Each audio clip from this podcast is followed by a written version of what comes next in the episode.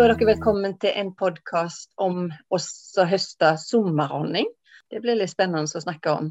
Jeg er Bente Kvilhaugsvik. Ja, det Birger Kvilhausvik. Mm. Og det å høste sommerhonning, det har vi jo snakket om tidligere, og du har tenkt på det lenge, har du sagt? Ja, vanligvis er det ikke noe sommerhonning å høste. for det de samler honningen vår på løvtann og forskjellig, men som regel så samler de ikke mer enn de klarer å ete opp sjøl.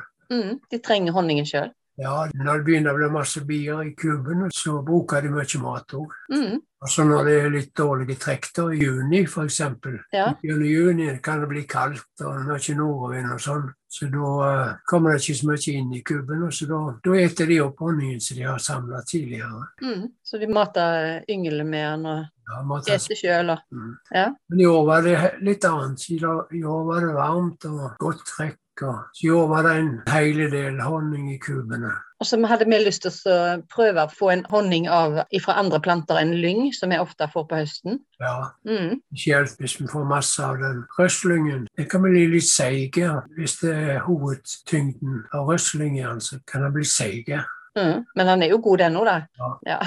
Men uh, den sommerhonningen den kan vi jo enten uh, bruke den som sommerhonning, tappe den på glass eller hva vi vil. Mm. Vi kan òg gjemme den til høsten, og så blande i den andre den høsthonningen. Det er òg en god måte å gjøre det på. Ja, så da gjorde vi det. Da planla vi det litt, grann, ikke sant? Vi satte ramer bak så de kunne samle honning i. For der pleier de ikke å legge yngel. Vi kan jo ikke ta honning på tavla der så det er både yngel og honning. Nei, vi kan ikke si vi planla det. Vi setter fullt av rammer med, sånn som vi pleier. Ja. Men vi vet jo det at eh, fra, helt framme og helt bak, det blir ikke så mye yngel. Mhm. Så hvis vi skal kunne ta noe, så er det som regel framme og bak i skattekassen. Mm. Så at det måtte stå noen ramer der som var klart til å samle masse honning i. Ja, det er sånn som de ordner med sjøl, det. Mhm. Så da fant vi honning. I noen av kubene så var det gjerne ei rame. I noen kuber var det to ramer. Noen var det masse på, noen var det litt mindre. sant? Ja, I det hele tatt så var det nokså fullt i skattekassene med honning og yngel. Så det kan godt hende det var en 10-15 kilo honning i skattekassen, men pga. yngel så kunne vi ikke ta mer enn eh, 3-4 kilo i hver kube. Men, men når vi får tatt såpass i hver kube, så blir det jo litt til sammen.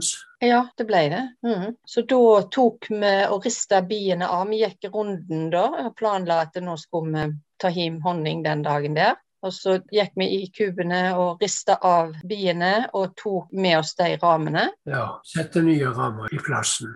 Ja, Eller ikke nye, men ja, uten ja sånn, sånn at de hadde ramer i kuba si, og så at de hadde plass til å samle mer honning. ja. Og så har du et veldig sånn, godt rom, så du, det går an å varme litt opp, der du har slynger og alle de tingene der. ja, Så da tok vi inn ramene der og hengte de opp, ja. og hengte de litt til tørk. Og så tok vi sette luftavfukteren på, så varmte opp rommet litt. Og så. Mm. For det skal helst ikke være så mye vann i honningen. Nei, det er viktig.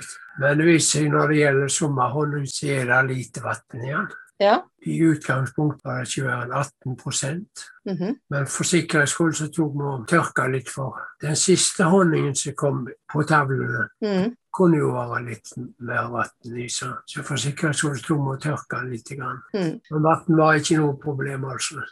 Det var ikke, de var, de var fine. Mm. Ja, så da eh, hengte vi opp tavlene, og så skrelte vi av voksen etterpå.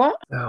Og så stakk opp ramene. Du har et litt sånn apparat som vi kan stikke opp ramene, sånn at honningen går lettere ut. ja, det må vi gjøre. For da får vi- ikke honningen ut. Så da gjør vi det, og så hadde vi det oppi slynga. Så det, det er jo sånn du pleier å gjøre om høsten nå. Samme prosess. Samme det.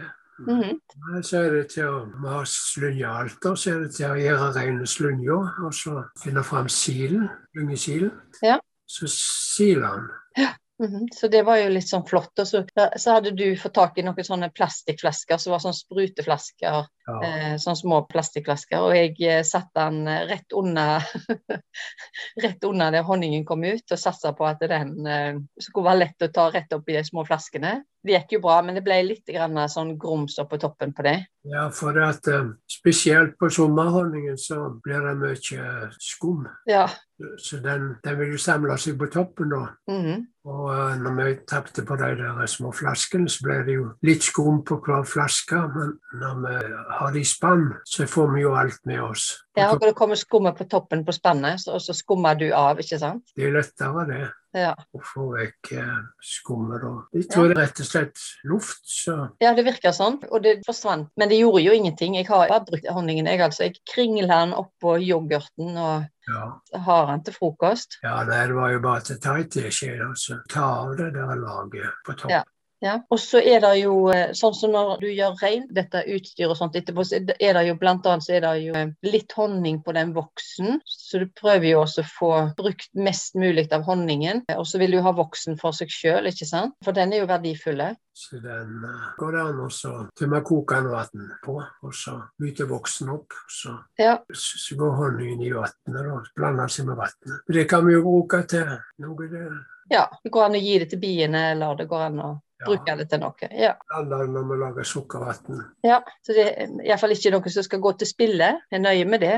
Ja, Nei, men det var jo var kjekt å kunne gjøre dette. Og så var det veldig kjekt å kunne snakke om det og fortelle om eh, at det går an å høste sommerhonning på Vestlandet av og til òg. Ja. Og så har jo vi en liten sånn plan at vi skal snakke om avlsarbeid neste gang vi snakkes. Ja. Og det blir en litt sånn lang podkast. Ellers får vi dele den opp i to. Ja, vi får se hvor mye det blir ut av det. Ja, for det er litt omstendelig. Så, men det blir kjekt å snakke om det òg. Ja. Vi har vel vært inne på deling av kuber før, men dette her er en, en, deling av, eller ta avleggere med tanke på avlsarbeid. Mm, Så det er en litt, litt spesiell prosess. prosess. Avle fram den brune reinpara bio. Mhm. Ja, men det skal vi snakkes om. Men da skal vi gjerne si ha det for denne gangen. Mm, Så snakkes vi.